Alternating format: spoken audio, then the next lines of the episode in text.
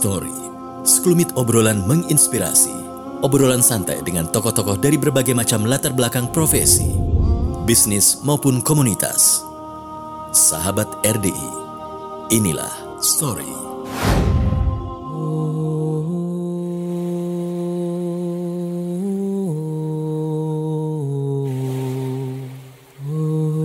Assalamualaikum warahmatullahi wabarakatuh sahabat RDI Kita kembali lagi di program Stories Kulumit obrolan menginspirasi. Dan di kesempatan kali ini Saya Zulkifli sudah bersama dengan Mas Rocky.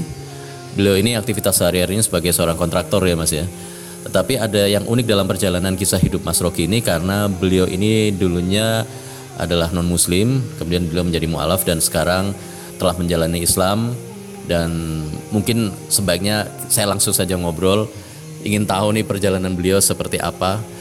Assalamualaikum Mas Rogi. Waalaikumsalam warahmatullahi wabarakatuh. Gimana puasanya sampai hari ini Mas? Alhamdulillah masih lancar saja. Lancar jaya ya Mas ya Mas Rogi uh, saya mendapat cerita tentang Mas Rogi ini dari teman saya Pak Irul yang kemarin juga saya wawancara ini dan saya pertama kali ketemu Mas Rocky kalau nggak salah waktu itu di Masjid Al Ikhlas pada waktu subuhan ya. Waktu ya, subuhan ya.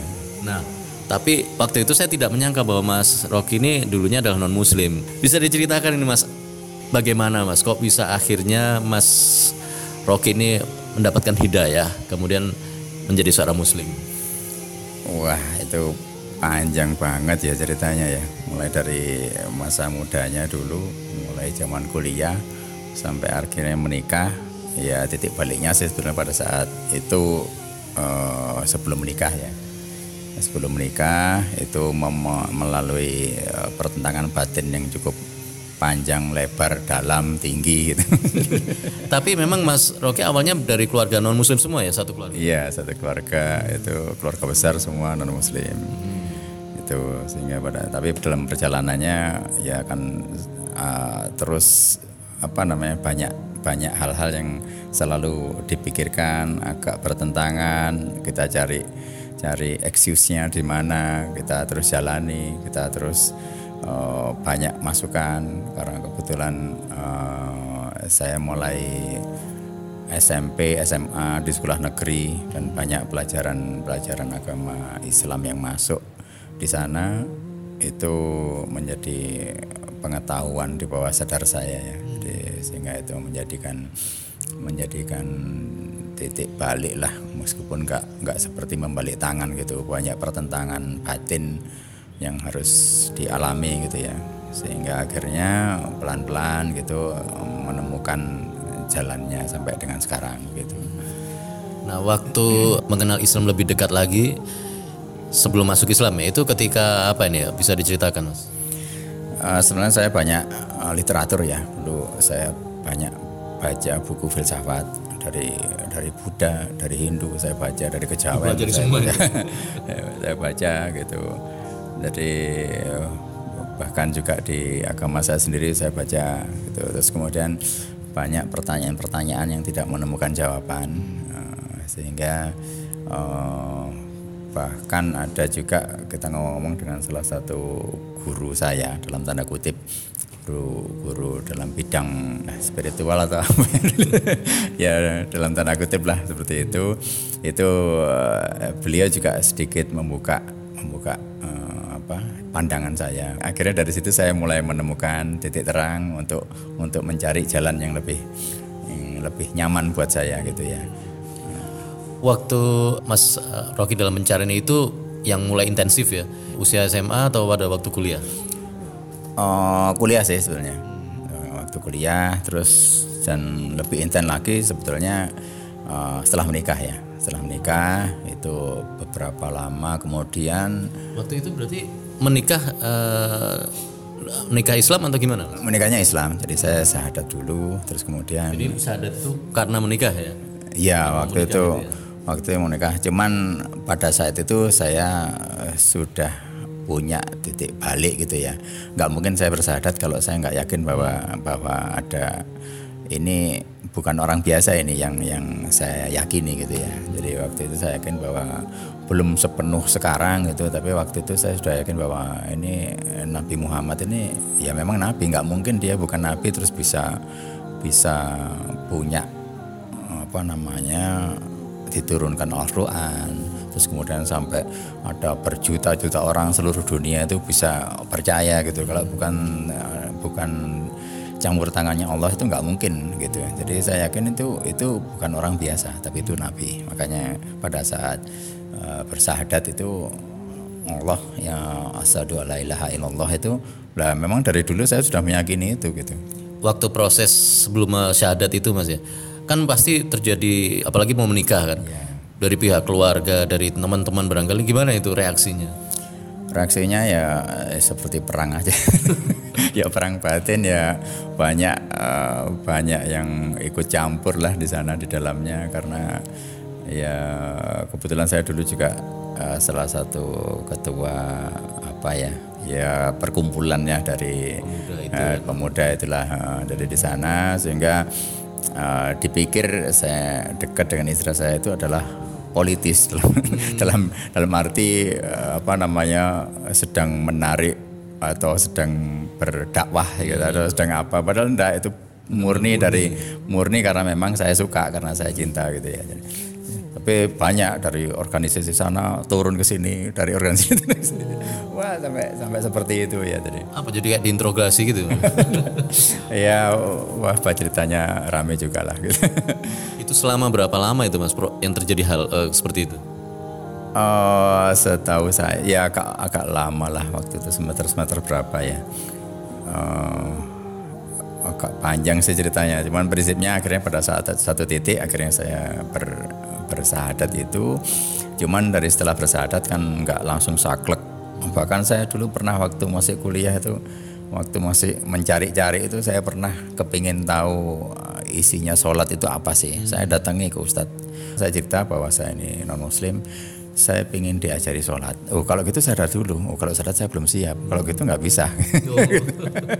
nggak bisa karena syaratnya sholat itu harus syahadat itu. Oh gitu ya sudah saya pulang gitu. Jadi pernah sampai sampai begitu dulu. Saya pulang gitu terus kemudian ya sudah saya cari bukunya apa sih isinya. Nah itu itu dari sana mulai belajar sedikit-sedikit.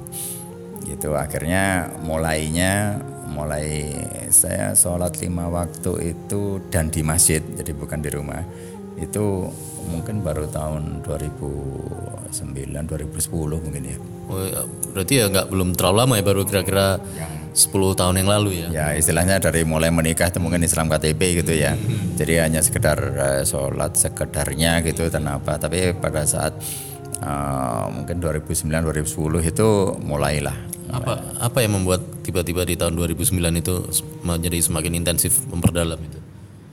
Uh, ya karena mungkin berawal dari kesadaran ya bahwa uh, masa kita hidup cuma seperti ini aja ya. Ya mungkin kayaknya sudah sunatullah ya kalau sudah mulai mendekati 40 itu orang mulai sadar. udah, karena banyak yang, yang uh, uh, ya itu udah mulai didekatkan lah istilahnya. Kalau kalau umur segitu didekatkan nggak denger juga batinnya. Ya itu sampai selanjutnya. Nah itu mungkin saya salah satu yang beruntung gitu. Didekatkan itu terus saya merasa harus harus mulai berubah harus mulai menjalani udah mulai ini.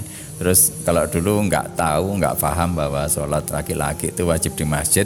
Hmm. nah waktu itu karena waktu itu proyek saya kan kebetulan beberapa proyek itu dekat masjid gitu. Hmm. jadi pada saat azan waktunya sholat saya tinggal melangkah gitu ke masjid ikut sholat. Lama-lama mungkin jadi kebiasaan dan mungkin sering dengar bahwa laki-laki itu wajibnya sholat di masjid gitu ya.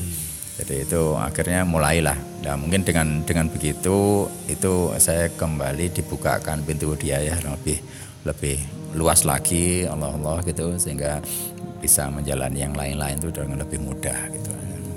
Kalau nggak salah Mas Rocky sempat umroh atau haji dulu ini ya umroh dulu tahun 2012 2012 itu alhamdulillah saya dimudahkan untuk umroh. Nah di umroh di situ terus kemudian alhamdulillah 2015 dimudahkan untuk haji. Terus kemudian kemarin itu baru 2019 Januari dimudahkan juga untuk umroh kedua kalinya gitu. Nah, ini kan eh, untuk melaksanakan ibadah umroh atau haji ya, orang bahkan orang Islam yang sejak lahir sejak kecil atau sejak lahir itu sudah berislam, sudah beragama Islam ya. Itu kadang-kadang mereka, waduh gak wani aku, kate rono engko wedi dibales. Ada aja alasannya atau waduh kok dhisik duitku kurang atau waduh ya anu sih keperluanku sih akeh. Nah, waktu itu sempat nggak kepikiran hal-hal yang seperti itu, Mas? Waktu tahun 2012 dulu itu waktu berangkat itu jujur itu yang saya rasakan gitu. Karena saya banyak cerita mendapatkan cerita bahwa kalau umroh itu di sana itu akan ketemu di tanah suci itu semua yang dilakukan di sini dibalas di sana. Jadi saya merasa banyak melakukan ke dosa di masa lalu begitu ya. Saya itu di pesawat aja ketakutan gitu. Jadi karena dengar cerita-cerita seperti itu gitu, ternyata itu enggak sama sekali gitu. Tapi memang eh, di sana itu eh, rasanya itu Allah itu dekat banget ya. Jadi tiap kali saya cerita gitu mesti mesti terbawa ya emosinya. Jadi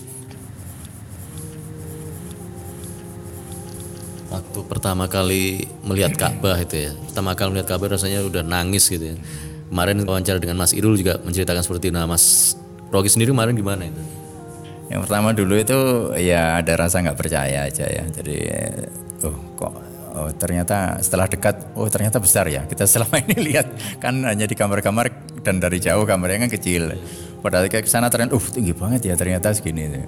Nah baru eh, sebatas fisik gitu ya. Terus kemudian eh, banyak hal-hal yang yang apa ya yang ketemu di sana itu antara lain yang kita nggak ketemu kan ada ada waktu itu saya sekarang saya keluarga waktu itu berlima ke sana itu kita bareng-bareng satu keluarga itu bisa mencium bau wangi yang sama yang tidak ada yang tidak yang tidak ada di jadi hanya lewat aja. Wer gitu. Loh tadi bau iya bau, oh, bau apa ya? Nggak tahu. Tapi kok enak ya? Rasanya nyaman rasa apa gitu. Tuh saya keluarga itu bisa bisa bau itu gitu ya terus, apa ya tadi itu? Terus nyari lagi baunya nggak ketemu.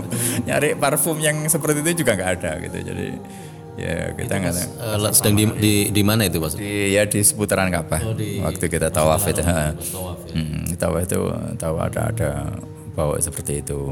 Jadi terus kemudian waktu itu waktu malam sholat di sana itu ya sedikit agak agak heran karena apa? Di atas Ka'bah itu nggak ada bintang sama sekali gitu.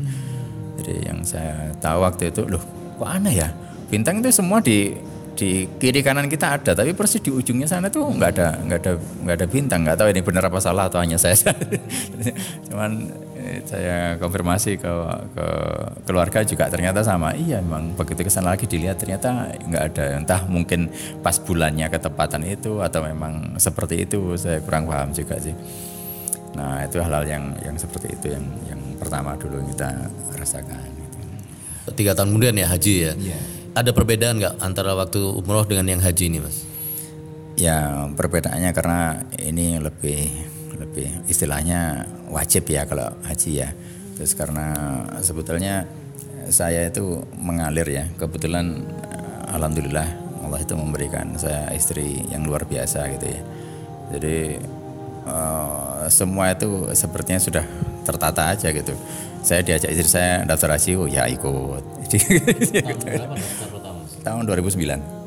2009 jadi 2009 daftar 2012 karena masih lama antrinya kemudian ada rezeki kita umroh sekeluarga.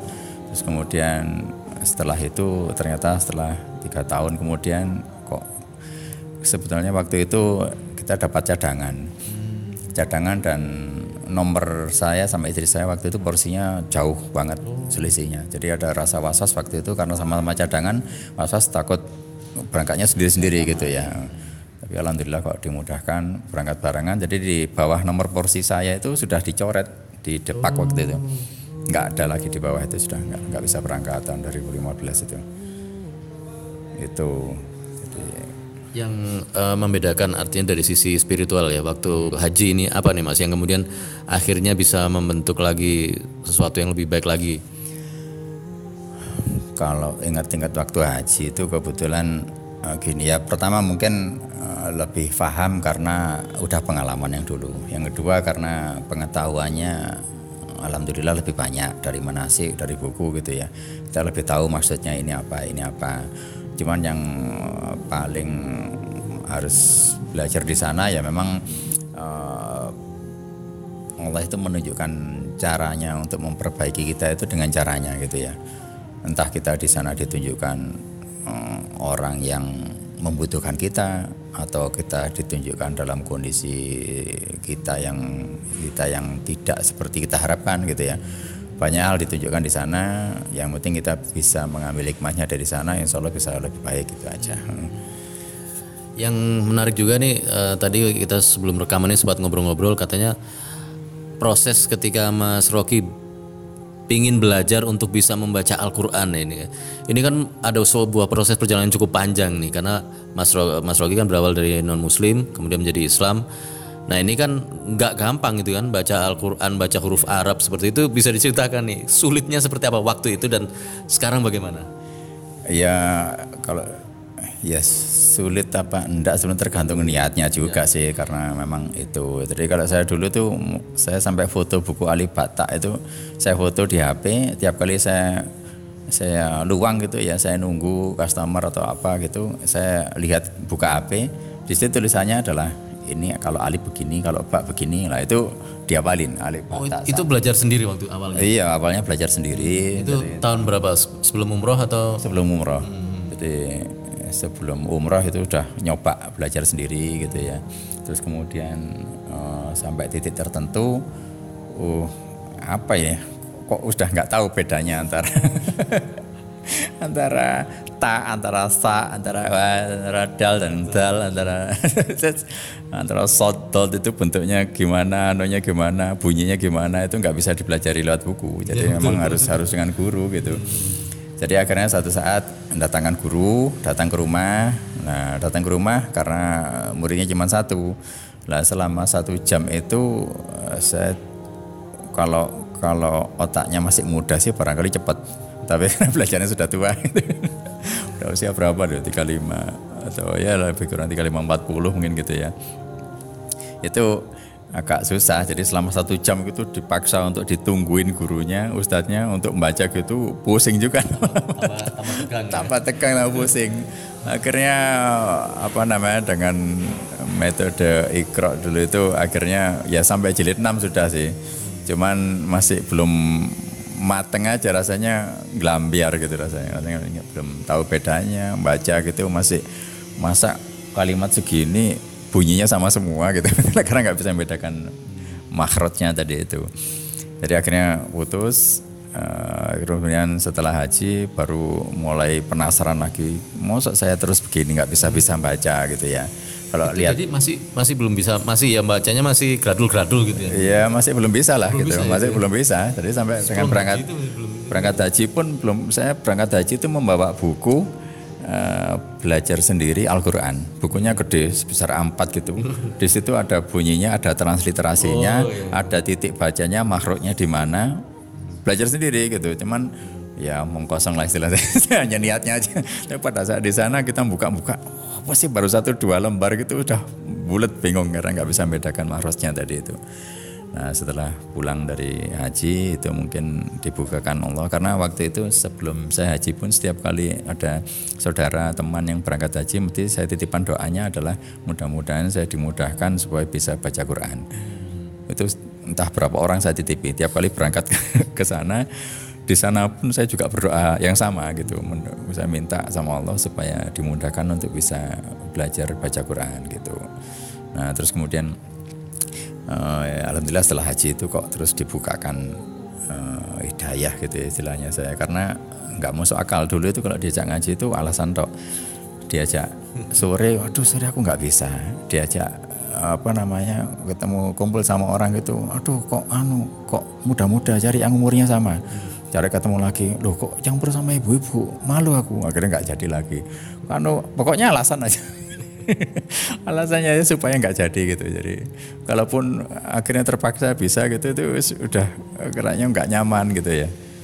Jadi akhirnya kok itu akhirnya dimudahkan. Sampai saya uh, dalam kondisi alhamdulillah pas banyak kerjaan saya bisa menyisikan setiap waktu jam 8 sampai jam 10 pagi itu saya tidak mau pegang kerjaan, tidak mau dipanggil sama customer, padahal saya kan swasta ya, jadi mesti depending berusaha mending. Waktu itu jam 8 dan 10 saya gunakan khusus untuk belajar waktu dari rumah saya di daerah Tunggul Bulung sana itu harus berangkat ke masjid uh, apa namanya Ayani ya masjid Ayani yang di Kauripan sana itu untuk belajar ke sana. Nanti berangkat pagi itu seperti orang sekolah gitu udah udah. Habis mandi makan ganti baju bawa buku berangkat ke sana. Sampai jam 10 selesai saya baru ngerjakan kerjaan-kerjaan yang lain. Itu seminggu empat kali. Ke taman lagi waktu itu diajak teman belajar bahasa Arab belajar terjemah gitu ya. Itu seminggu enam hari. Untuk untuk uh, saking semangatnya. Tapi ya gitu. Uh, terbuntur sama kemampuan juga. Enam hari begitu di, dimasukin begitu puyeng sendiri. Jadi akhirnya yang untuk belajar bahasa Arab sama terjemah itu merotol gitu. Merotol yang bertahan hanya ini baca Quran. Karena memang niatnya awal baca Quran itu. Akhirnya ada di sana setelah tiga bulan lulus uh, ilmu dasarnya gitu Umi 1, 2, 3 itu itu juga lucu juga. Karena waktu tes pertama itu ketemunya adalah yang tes barengan satu kelas itu isinya ibu-ibu. Mungkin ada 12 orang cowoknya itu bapak-bapak cuma tiga. Dapat seminggu dua minggu cowoknya hilang semua. Jadi tinggal saya sendirian sama sendiri, sama ibu-ibu itu ada 12 orang atau 10 orang lupa saya dengan ustadznya di sana. Jadi ya eh, tipsnya supaya tetap bisa bertahan ya harus tahan malu jadi artinya pertama karena di Ayani itu ada kelas SD SD anak-anak SD kadang-kadang saya baca gitu diketawain sama anak-anak SD yang lewat itu kelas 2 kelas 3 gitu yang bacaan mereka lebih canggih gitu. Terus kemudian pas baca juga karena kumpulnya sama ibu-ibu semua jadi akhirnya ya apa namanya ya harus bertahan supaya supaya kita nggak merotol juga. Karena eman-eman nyari kelompoknya aja susah sudah nyari kelompok untuk belajar ngaji yang untuk usia dewasa dan ternyata saya juga sempat menemukan juga hal yang sama jadi banyak sebetulnya saya dulu itu mengira bahwa orang-orang udah seusia saya waktu itu ya 30 40 ke atas bapak-bapak itu itu semua itu sudah bisa baca Quran kecuali saya. Hmm. saya merasanya begitu dulu. Setelah saya berangkat gitu ternyata banyak nyuri-nyuri pada saat saya belajar gitu jam istirahat banyak bapak-bapak itu sembunyi-sembunyi ke ustadznya ngomong-ngomong lama gitu. Terus saya tanya Ustadz kenapa tadi itu? Oh enggak bapak tadi itu mau belajar sendirian soalnya malu kalau bareng-bareng lah. Ternyata tuh uh, ya akhirnya saya tahu bahwa ternyata yang senasib dengan saya itu banyak. Dan kendalanya memang nggak tahu mungkin saya tanya pinter. Dibuat kita itu punya rasa malu itu kalau untuk belajar. Jadi tak, takut diketahui oleh orang lain bahwa dia nggak bisa uh, jadi nggak mau mengakui bahwa saya nggak bisa jadi saya ingin belajar gitu. Ada juga kelompok saya dulu yang merasa bisa dibenerin tajwidnya sama ustadznya marah. Oh. Nah, ada yang gitu. Jadi pernah kelompok satu kelompok saya dia baca ditegur satu, baca belum selesai ditegur lagi, ditegur. Akhirnya pulangnya dia ngeremeng. Saya ini sudah bisa belum boleh ditegur aja gitu. Akhirnya habis itu dia nggak mau masuk lagi. Waduh susah.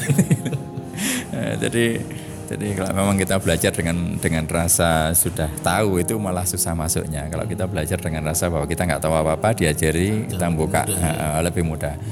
Dan kebetulan karena saya belajar dari nol, itu lebih mudah belajar dari nol untuk ilmu tajwid itu daripada yang sudah terlanjur tahu asal baca, kemudian dibenerin.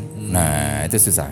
Saya banyak ketemu teman-teman sekelompok dulu karena ini sudah berjalan 2-3 tahun kelompok yang saya kumpul yang saya bentuk ini itu kemudian akhirnya tahu beberapa orang yang begitu masuk dia sudah bisa baca Quran lancar tapi ternyata tajwidnya salah semua. Nah karena kebetulan saya belajar dari nol itu belajar tajwid sehingga lebih mudah saya membetulkan atau membaca melancarkan. Kebetulan teman-teman ada juga yang bacanya lancar hafalannya banyak tapi tajwidnya salah semua. Nah, itu lebih susah membetulkan karena dia kebiasaan kan mulai kecil sudah itu di itu dijelasin sama ustadz begitu. Jadi akhirnya lama-lama akhirnya bosen. Dia karena selalu salah, selalu salah. Begitu mau salah lu. Saya biasanya gini kok salah sih. akhirnya akhirnya ya itu tadi. Nah, gitu. itu. Itu faktor internal ya. Faktor eksternal yang juga katanya menyebabkan kadang-kadang orang menjadi sulit untuk belajar. Kemarin waktu mencari tempat untuk belajar itu tadi ada ceritanya katanya Mas. Ya gini, karena waktu itu salah satu kendala saya dengan kelompok saya adalah ustadznya itu waktunya kosongnya sedikit, cuman cuman dua jam di siang hari dan kita pengen waktu pakai pakai slot kosong itu untuk ngaji kelompok ngaji belajar kita itu sehingga dan jaraknya waktu itu ustadznya dari arah dari arah mana hmm, Gripik sana itu ke ke daerah Dinoyo itu kan jauh banget waktunya habis di jalan sehingga diusulkan untuk pindah tempat cari tempat yang lebih dekat dengan dengan anu dengan tempatnya Ustadz. Jadi kita akhirnya keliling karena dalam kelompok itu saya laki-laki sendiri ya akhirnya saya harus keliling nyari ke beberapa masjid. Nah dari situ tuh saya agak kaget juga ternyata untuk mencari tempat belajar ngaji pinjem pinjem tempat di masjid itu nggak semudah yang dibayangkan. Bayangan saya dulu itu kalau namanya orang muslim itu yang baik-baik semua kan gitu. Jadi kita tem pinjam tempat masjid masjid kan tempat umum ya tempat Allah selama untuk ber itu gampang saja. Ternyata itu saya sempat kebentur beberapa kali begitu mau pinjam itu izin takmir takmirnya bilang wah wawancaranya detail alirannya apa, waktunya kapan, ustadznya siapa yang ngajari ini? Akhir-akhirnya tidak diizinkan. Terus ke tempat lain lagi kebetulan ada tempat juga diizinkan, cuman waktunya nggak klop. Uh, ada lagi ke sana ke sini dari beberapa tempat. Akhirnya ya sampai akhirnya ketemulah di sini. Kebetulan di kampung saya lama sebelum saya pindah di sini karena sudah kenal dengan dengan lingkungan sekitar itu akhirnya diizinkan. Alhamdulillah ini sudah berjalan hampir tiga tahun di sini. Di masjid apa ini mas? di masjid Ataubah jalan Simpang Barito di waktu itu gimana kok akhirnya diperbolehkan itu Ya kebetulan karena saya sampaikan di sini bahwa saya punya kelompok ngaji. Ya karena udah kenal lama ya ketemu Pak RW-nya, ketemu takmirnya, nah, kan sudah nggak nggak sudah kenal saya lah istilahnya dan kita sampaikan niatnya bahwa kita ingin belajar tajwid, belajar membaca Quran. Ya alhamdulillah dengan tangan terbuka bahkan tampirnya itu seneng karena masjidnya dihidupkan istilahnya. Ada yang mengisi kegiatan keagamaan karena kebetulan uh, jadwalnya di sini nggak terlalu penuh, nggak terlalu penuh. Jadi kita bisa pakai jamnya kebetulan bebas Nah, sehingga waktunya akhirnya setiap hari Rabu dan Jumat antara jam 1 sampai jam uh, sebelum asar uh, kita kita ada kelompok belajar ngaji tajwid di sini dibimbing oleh Ustadz Amin. itu. Oke, yang terakhir nih yang ingin saya tanyakan nih ke Mas Rocky ya. Sebagai seorang yang dapat hidayah, apa yang Mas Rocky lakukan supaya akhirnya bisa diterima entah itu dari keluarga, dari teman-temannya Mas Rocky, atau sekarang masih belum bisa diterima? Ya alhamdulillah kalau soal diterima atau enggak itu lama-lama akhirnya ya uh, mungkin bosan nolak ya. akhirnya ya ya bisa. Tapi tipsnya gimana? Ya. Artinya tetap baik dengan. Uh, ya intinya kita karena semua itu Allah yang punya hati ya. Allah yang membolak-balikan hati. Jadi ya kita berdoa aja kita berdoa aja kita selalu bersikap baik kita nggak nggak apa namanya nggak ya sesuai tuntunan ya tuntunan Quran dan hadis bahwa kita itu harus harus baik ya artinya. Itu kalau ke saudara ya kalau ke teman-teman lain. Nah itu kalau kalau ke diri sendiri sih supaya kita dimudahkan ya itu semua perintahnya yang paling yang paling dasar nih bagi saya yang paling mudah paling mudah dan tampak itu setiap dapat penghasilan keluarkan zakatnya. Itu hmm. paling mudah membuka jalan yang lain sudah. Hmm. istilahnya itu. Jadi bagi saya sih bagi saya sendiri pribadi keluarga itu itu ke anak-anak juga saya sampaikan gitu. Jadi uh, ya banyak banyaklah sodako lah supaya nanti jalan kita dimudahkan. Uh, antara lain itu mungkin banyak ya tips yang lain. Cuman yang saya sendiri rasakan itu itu yang yang yang bisa saya sampaikan mengenai persatuan gimana nih umat Islam nih? Dari kacamata awam saja, itu sekarang saatnya kita itu uh, umat Islam itu tidak lagi mencari celah perbedaan. Nah, kita saatnya untuk mencari persamaan. Nah, ada wah macam-macam aliran. Saya dulu bingung. Saya dulu waktu pertama kali masuk Islam, sholat itu saya pikir ya memang Islam itu memang begitu ada yang kunut, ada yang enggak. Saya nggak tahu bedanya gitu ya ternyata semakin dalam kok ada yang mempermasalahkan, ada yang membedakan, ada yang ini begini, ada yang begitu. Saya malah bingung waktu loh, kok ternyata begini ya gitu. Tapi ternyata dengan dengan akhirnya belajar belajar, sering dengerin dengerin tausiah entah dari YouTube atau dari mana itu yang lagi ngetren sekarang yang banyak belajar saya dari Ustaz Adi Hidayat dan Ustaz Abdul Somad itu banyak banyak saya dengarkan di sana banyak yang membuka mata hati saya gitu ya uh, pikiran saya bahwa ternyata uh, sebetulnya memang perbedaan-perbedaan itu hanya perbedaan yang istilahnya ranting-rantingnya lah pada pokoknya kita itu sebenarnya satu satu umat gitu ya dalam bendera yang sama di bawah Rasulullah gitu ya. Kalau ada perbedaan kecil-kecil itu jangan menjadikan yang dilihat perbedaannya, lihat persatuannya aja gitu. Jadi sehingga kita enak berhubungan dengan teman sesama sesama muslim meskipun seolah-olah tanda kutip beda aliran itu kita enjoy aja gitu ya. Nah, gitu. Kan aneh kalau kita dengan sesama bangsa dengan agama lain kita bisa bertoleransi, ya, tapi sama dengan sama muslim malah penggerangan gitu kan aneh gitu ya. ya nah, itu mungkin yang saya bisa sampaikan ya. Oke. Baik, terima kasih Mas Rocky. Rencana ngobrol 10 menit, ternyata setengah jam lebih ini. dan rasanya kalau mau diteruskan itu ini padahal belum ditanya yang lebih detail lagi nih loh. Teruskan bisa satu jam dua jam ini. Bisa jadi 10 episode ya. Tapi terima kasih banyak Mas Rocky sudah menyempatkan waktu untuk mau ngobrol di program story ini. Dan kita saat ini ngobrolnya ini ada di Masjid Ataubah ini ya, ya di Masjid Ataubah di jalan apa ini? Simpang Barito Simpang, Simpang Barito, satu ya. Ya, dan mudah-mudahan obrolan kita ini bisa bermanfaat bagi sahabat RDI semuanya. Dan ini yang Mas Rocky yang sekarang lagi ngaji juga di sini ya? Iya. Tiap hari apa? Tiap hari Rabu dan Jumat. Ngaji tajwid masih tajwid, ya? masih tajwid. Hmm. Jadi meskipun sudah khatam berapa kali tapi istiqomah pengen karena karena ya kalau nggak sering diulang lama-lama lupa juga. Jadi jadi tetap ada beberapa anggota-anggota baru yang selalu datang dari mulai awal mereka masih masih terbata-bata gitu itu kita tetap mengikuti uh, sambil kita belajar juga ternyata masih banyak ilmu tajwid yang eh, pernah disampaikan tapi kita nggak ingat. Jadi oh. jadi refresh lagi refresh lagi. Oh iya sih itu udah pernah diajari mat lazim itu apa gitu. Oh iya sih ini ternyata. Hmm. nah itu selalu mengingat karena belajarnya sudah udah ketuaan.